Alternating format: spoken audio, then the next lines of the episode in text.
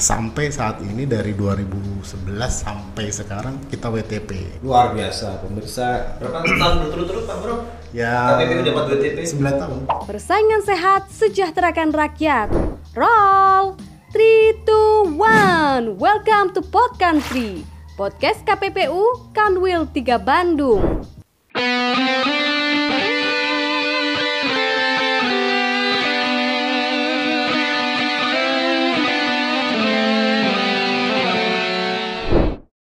Oke, pemirsa, selamat siang. Assalamualaikum warahmatullahi wabarakatuh. Salam sejahtera. Hari ini di Pod Country, podcast Kanwil 3 KPPU Bandung, kita kedatangan uh, tamu yang sangat istimewa.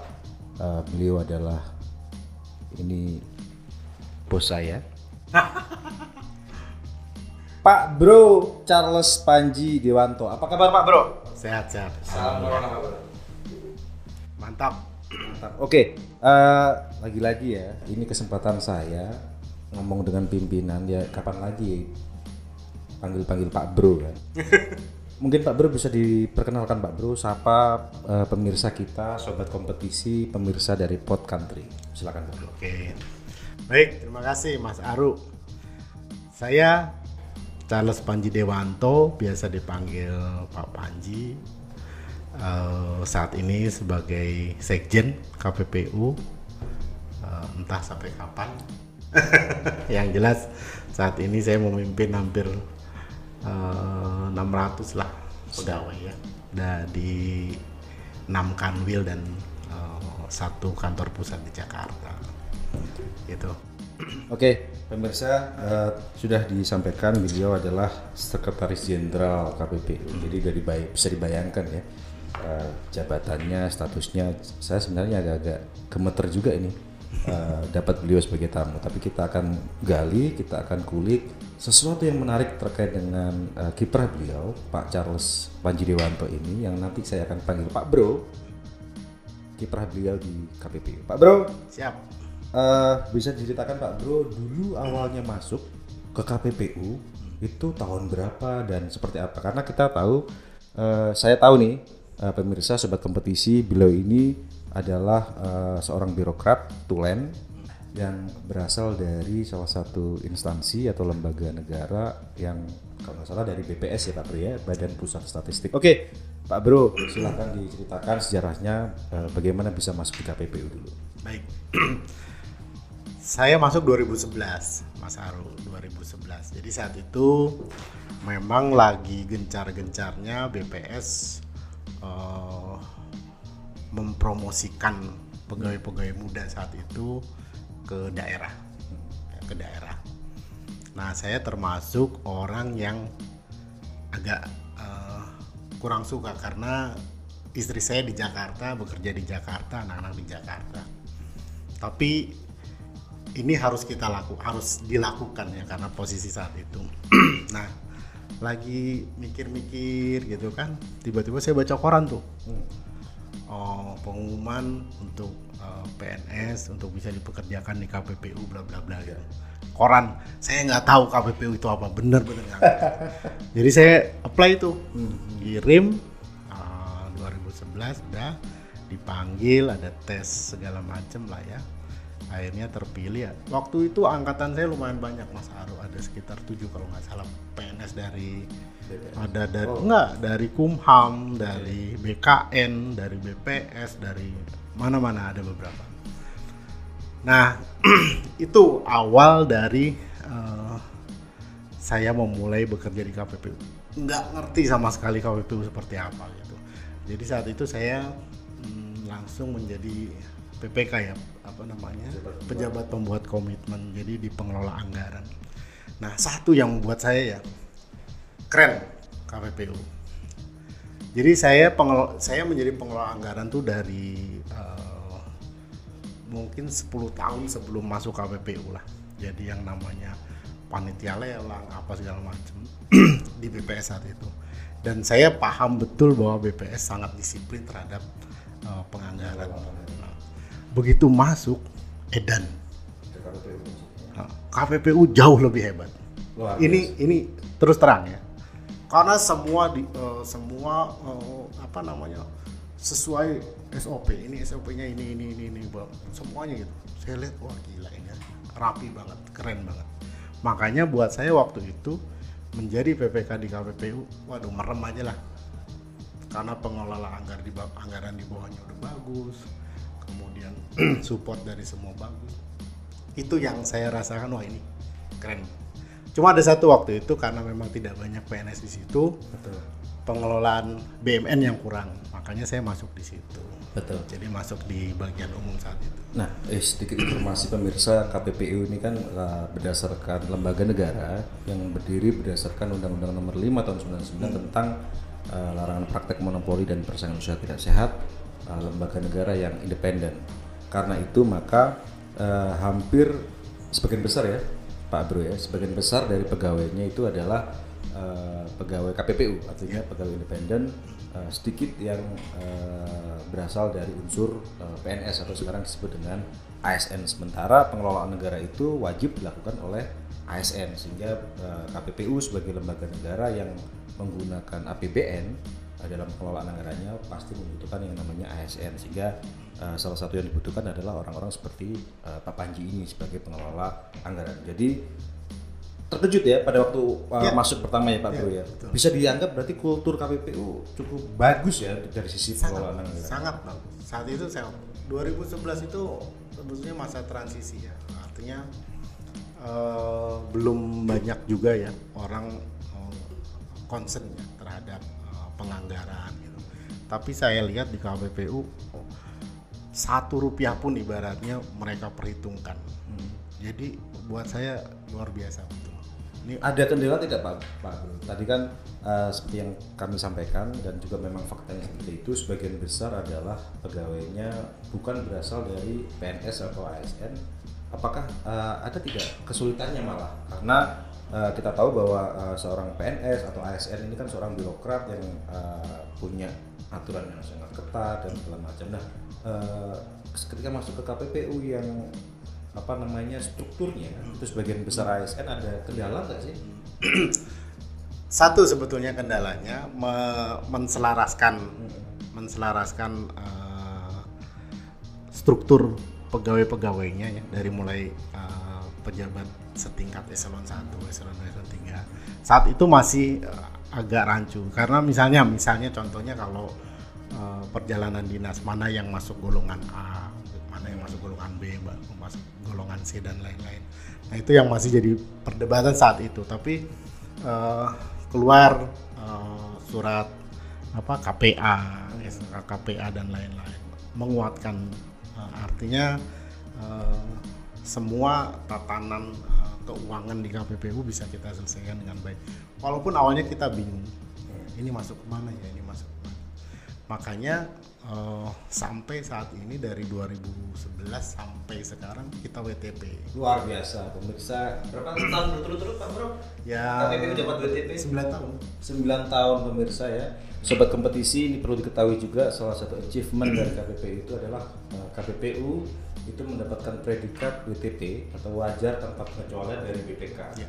9 tahun berturut-turut ini adalah sebuah eh, pencapaian yang luar biasa.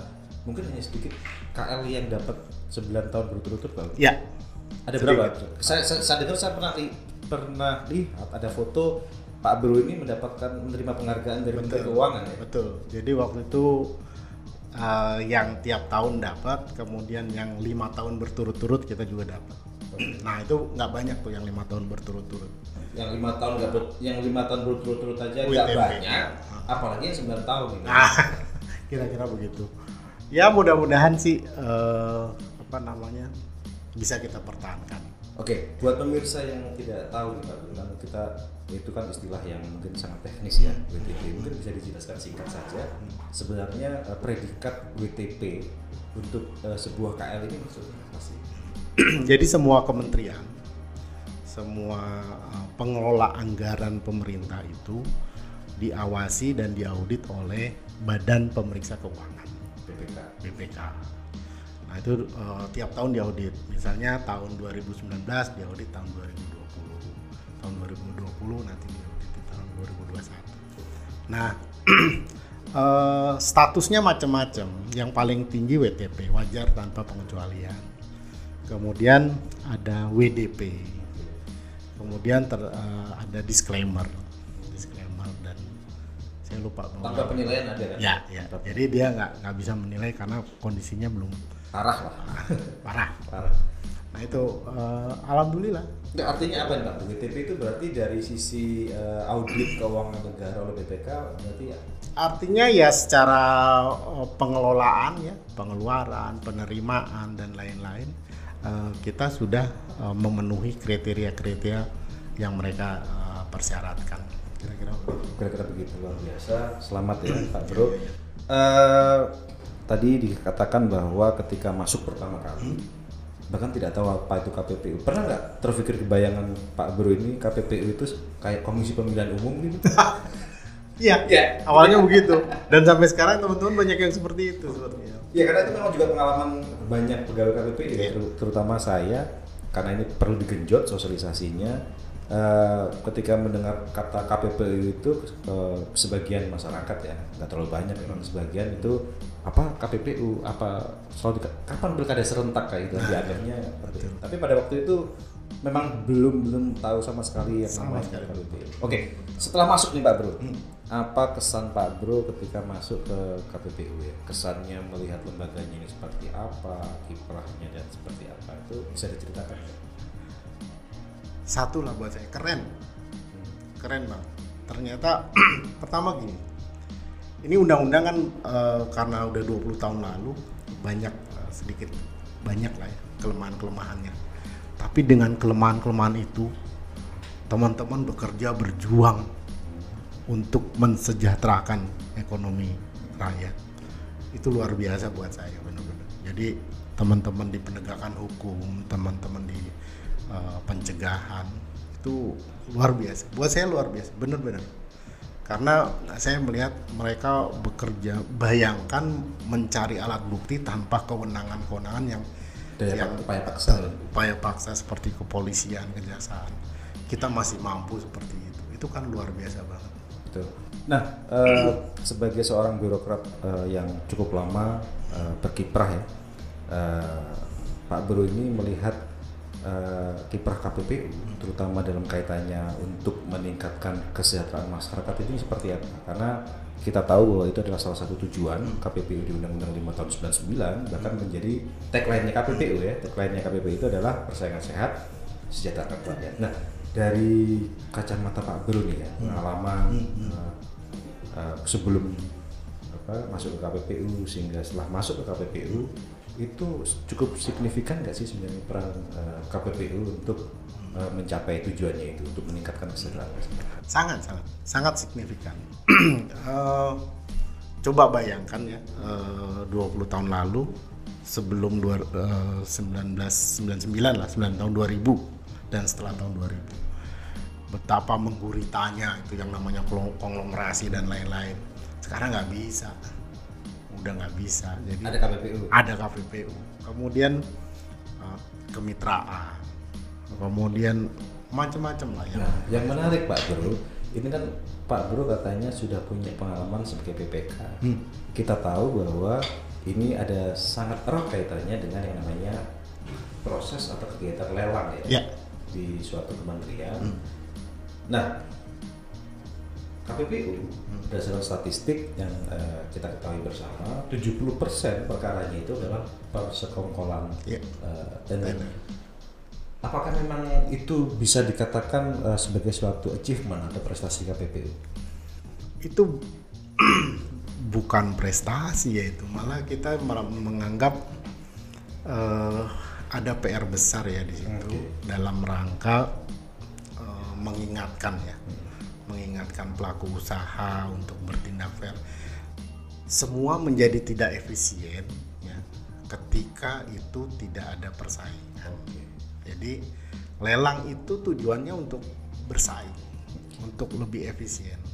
Ya sayangnya nah, itu disalahgunakan. Jadi dengan berbagai cara untuk mendapatkan sesuatu malah jadi tidak kena di situ. Nah KPPU hadir di situ. Itu yang saya buat luar biasa nih Karena memang itu eh, hampir eh, kita bisa melihat dan juga menjadi fakta yang dilakukan oleh KPPU salah satu buktinya adalah eh, sebagian besar kasusnya adalah kasus persekolahan ilegal.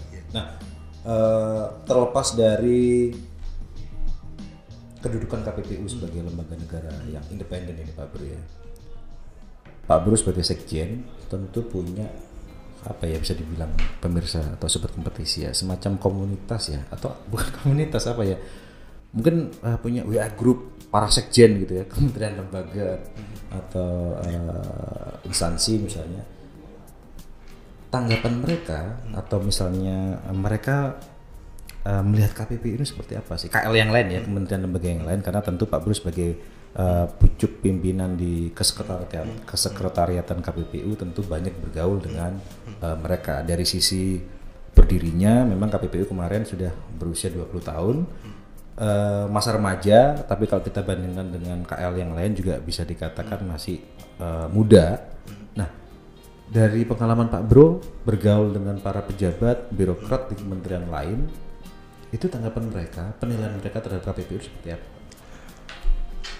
Pertama buat saya mereka sangat mengapresiasi ya. Saya berteman dengan Sestama di PPAC di PPATK tadi baru saja acara webinar dengan Sestama LKPP. Kemarin saya ketemu dengan Sesmen, Mensesnek dan lain-lain. Semua mengapresiasi, semua mengapresiasi semua pekerjaan-pekerjaan KPPU.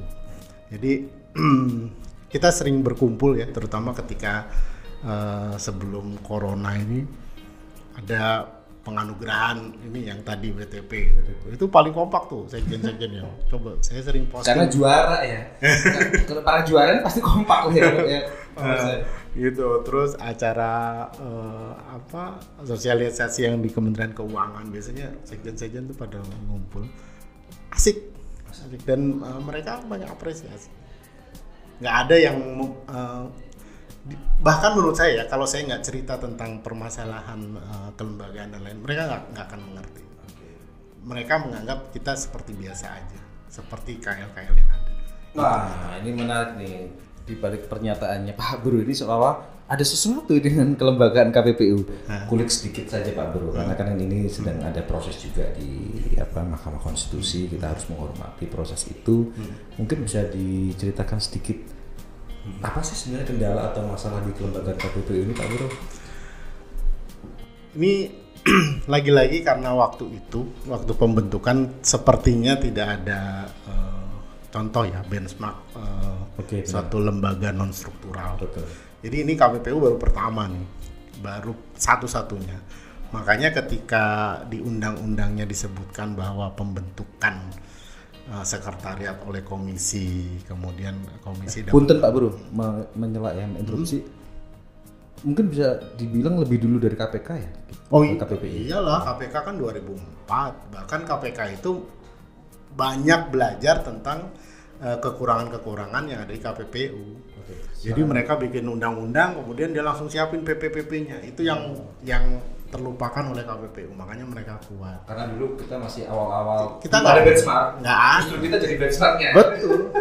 O- eh, Ori, Ombudsman, kemudian KPK itu banyak. Sampai saat ini saya masih eh, sering eh, didatangi ya eh, sekretariat BPKN, KPI itu ingin belajar kepada KPPU. Gila kan, luar biasa kan? Ya. Bahkan kalau nggak saya nggak salah eh, awal-awal dulu kita bertetangga ya dengan Hmm. KPK. Walaupun memang harus diakui bahwa pencapaian dari KPK ini luar biasa. Kita harus apresiasi eh, betapa hebatnya KPK.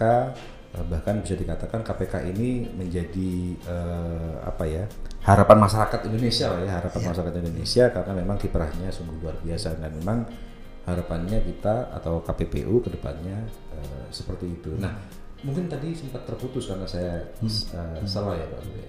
Nah itu tadi bisa dilanjutkan nggak? Ya. Jadi eh, ada satu pasal yang memang eh, menurut Menpan itu tidak selaras. Artinya ketika yang membentuk sekretariat itu komisioner itu dianggap independen, independen menurut versi kita, tapi menurut versi eh, Menpan itu tidak karena harusnya pembentukan sekretariat itu oleh presiden. Nah makanya ada beberapa pegawai yang eh, melakukan judicial review ke MK terkait pasal 34. Nah, jadi kita tunggu apakah ini bisa dihapus atau seperti apa kita nggak tahu. Harapannya tentu yang terbaik untuk uh, Betul. KPPU, KPPU ya, kesekretariatan KPPU. Oke, Pak Bro, ini saya mau melanglang buana. Ya. Kalau lokal KPPU udah achievementnya luar biasa lah. Dari apa namanya pergaulan internasional, Pak Bro. Eh, apa namanya antar otoritas persaingan usaha di dunia mungkin bisa diceritakan Pak Bro terkait itu. ini lebih gila lagi kalau menurut saya. Benar. Karena ASEAN itu masih menganggap eh, otoritas persaingan di Indonesia itu sebagai percontohan. Ya. Itu betul. Saudara tua ya, dianggap saudara tua. Betul. Jadi eh, bahkan eh, Jepang di isti- eh, apa JFTC kemudian di SFTC mereka mengapresiasi. Oke, eh, Pak Bro, Pak Sekjen tadi kan menyatakan, menyampaikan bahwa KPPU ini bahkan menjadi percontohan untuk otoritas persaingan usaha di luar ya, di luar negeri. Konkretnya ini seperti apa sih menjadi eh, lembaga percontohan ini? Jadi bayangkan setiap tahun itu permintaan pegawai untuk dikirim ya secara cuma-cuma anggaran dari mereka untuk membeli pembelajaran dalam tanda kutip. Jadi mereka di hire dua bulan, tiga bulan untuk belajar, untuk memberi pembelajaran kepada uh, otoritas persaingan di satu negara. Luar biasa, itu satu. Yang kedua, ketika mereka akan melakukan uh, misalnya revisi undang-undang, membuat undang-undang terkait uh, persaingan usaha, itu kita selalu uh, uh, banyak dilibatkan ya, diberi, dimintai masukannya. Belum lagi untuk event-event yang memang uh, rutin ya, kita selalu, mohon maaf, saya melihat mereka selalu membeli karpet merah kepada uh, pimpinan-pimpinan KPPU. Jadi uh, 20 tahun buat mereka mungkin pengalamannya luar biasa. Bahkan yang lucunya ya, ketika ada satu kegiatan di Singapura, mereka mempresentasikan uh, suatu case tapi yang ada di Indonesia coba luar biasa. Kan Mereka ini eh, Uh, Singapura? Karena saking mereka nggak bisa uh, um, memberikan contoh. Ah memberikan contoh. Case tadi. Oh, jadi kita tuh termasuk ya terlepas dari itu per- apa namanya prestasi atau tidak, tapi eh, jenis-jenis apa eh, perkara yang ada di Indonesia tuh membuat eh, dunia melihat bahwa wow luar biasa nih, Iya. terutama investigator. Ya. Saya bahkan punya pengalaman pribadi nih ya, Pak Bro ya, pemirsa. Eh, jadi beberapa kali juga sering dikirim ke luar negeri, presentasi juga. Eh, pada waktu itu tim presentasi kalau menurut tim KPPU, mohon maaf ya, ini sepele sebenarnya. Tapi ketika kami presentasi di luar negeri, ini mendapatkan apresiasi yang luar biasa ketika kami presentasi terkait dengan bagaimana cara KPPU, investigatornya itu mengungkap suatu persekongkolan tender Iya. untuk anak-anak KPPU itu kan sesuatu ya, ya biasa karena kasus kita banyak Betul. uh, persekongkolan tender tapi begitu kami presentasi ke otoritas persaingan usaha di dunia mereka kayak terbelalak gitu ya Iya. maksudnya ini uh, luar biasa apa yang dilakukan oleh KPPU sehingga mampu mengungkap uh, modus-modus persekongkolan uh, tender. Oke saya mau lebih konkret lagi. Tadi maksudnya itu pem- memberi pembelajaran kepada mereka itu uh, staf KPPU menjadi expert gitu? Betul. Jadi eh, tiap hari mereka diberi eh, dimintai untuk eh, mempresentasikan, membeli pembelajaran kepada para investigator di sana. Kemudian macam-macam. Bahkan pernah satu ketika eh, negara tetangga kita eh, harusnya hanya tiga bulan dia minta eh, melalui surat resmi itu meminta untuk memperpanjang sampai enam bulan. Luar biasa. Tapi saya kita kasih. Karena memang buat kita eh, selain pegawai-pegawai kita juga memberikan pengalaman dia juga mendapatkan pengalaman. Pasti banyak juga yang bermanfaat dari Artinya eh, yang ingin eh, di-share oleh eh, staf KPPU yang menjadi expert di sana itu adalah uh, pengalaman dia, Betul. pengetahuan baik teori maupun praktek. ya. Bisa disebutkan mungkin uh, tiga aja deh kalau misalnya negara mana saja sih yang sempat uh, meminta uh, KPPU untuk mengirimkan staffnya menjadi expert di sana. Tiga saja sih Pak Bro. Seingat saya ya, satu Malaysia, eh, yang kemarin-kemarin ya. Kemudian dua Brunei, eh, ketiga Vietnam. Luar biasa ya kita gitu ya. Masih banyak lagi, tapi yang saya ingat dalam eh, Rentang paling dekat ini ya ada enam di- enam bulan sampai satu tahun ke belakang gitu yang saya ingat. Banyak setiap saat itu eh, mereka bersurat dan kita harus memilah karena personel kita juga nggak banyak. Gitu. Oke.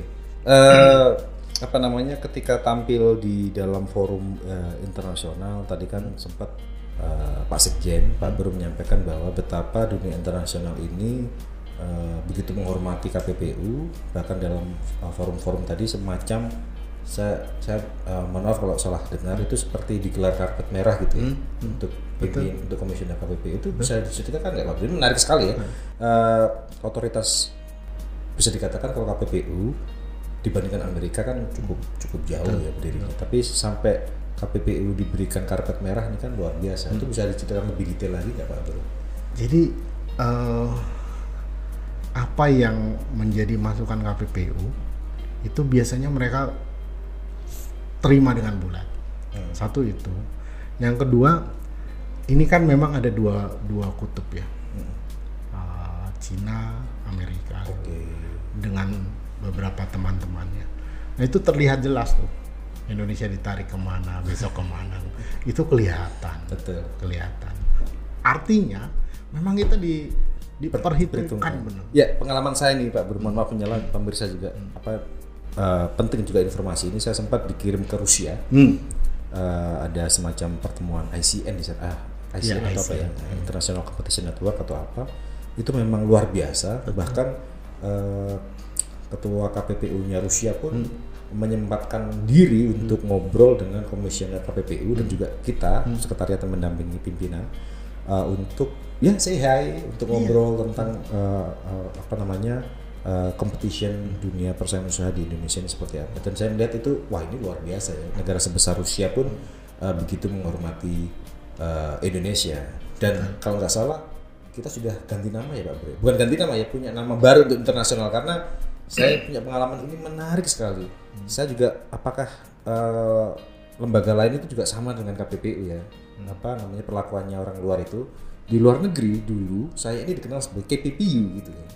Padahal KP, KPPU ini kan KPPU ya Komisi Pengawas Pemerintahan kan ada bahasa akronim bahasa apa namanya eh, bahasa Indonesia nya kan ada ya walaupun panjang. Tapi eh, orang internasional itu me- selalu mengenalnya KPPU. Nah, sekarang kita eh, saya dengar ICC. beberapa ICC namanya. Apa apa itu ICC, Pak Bro?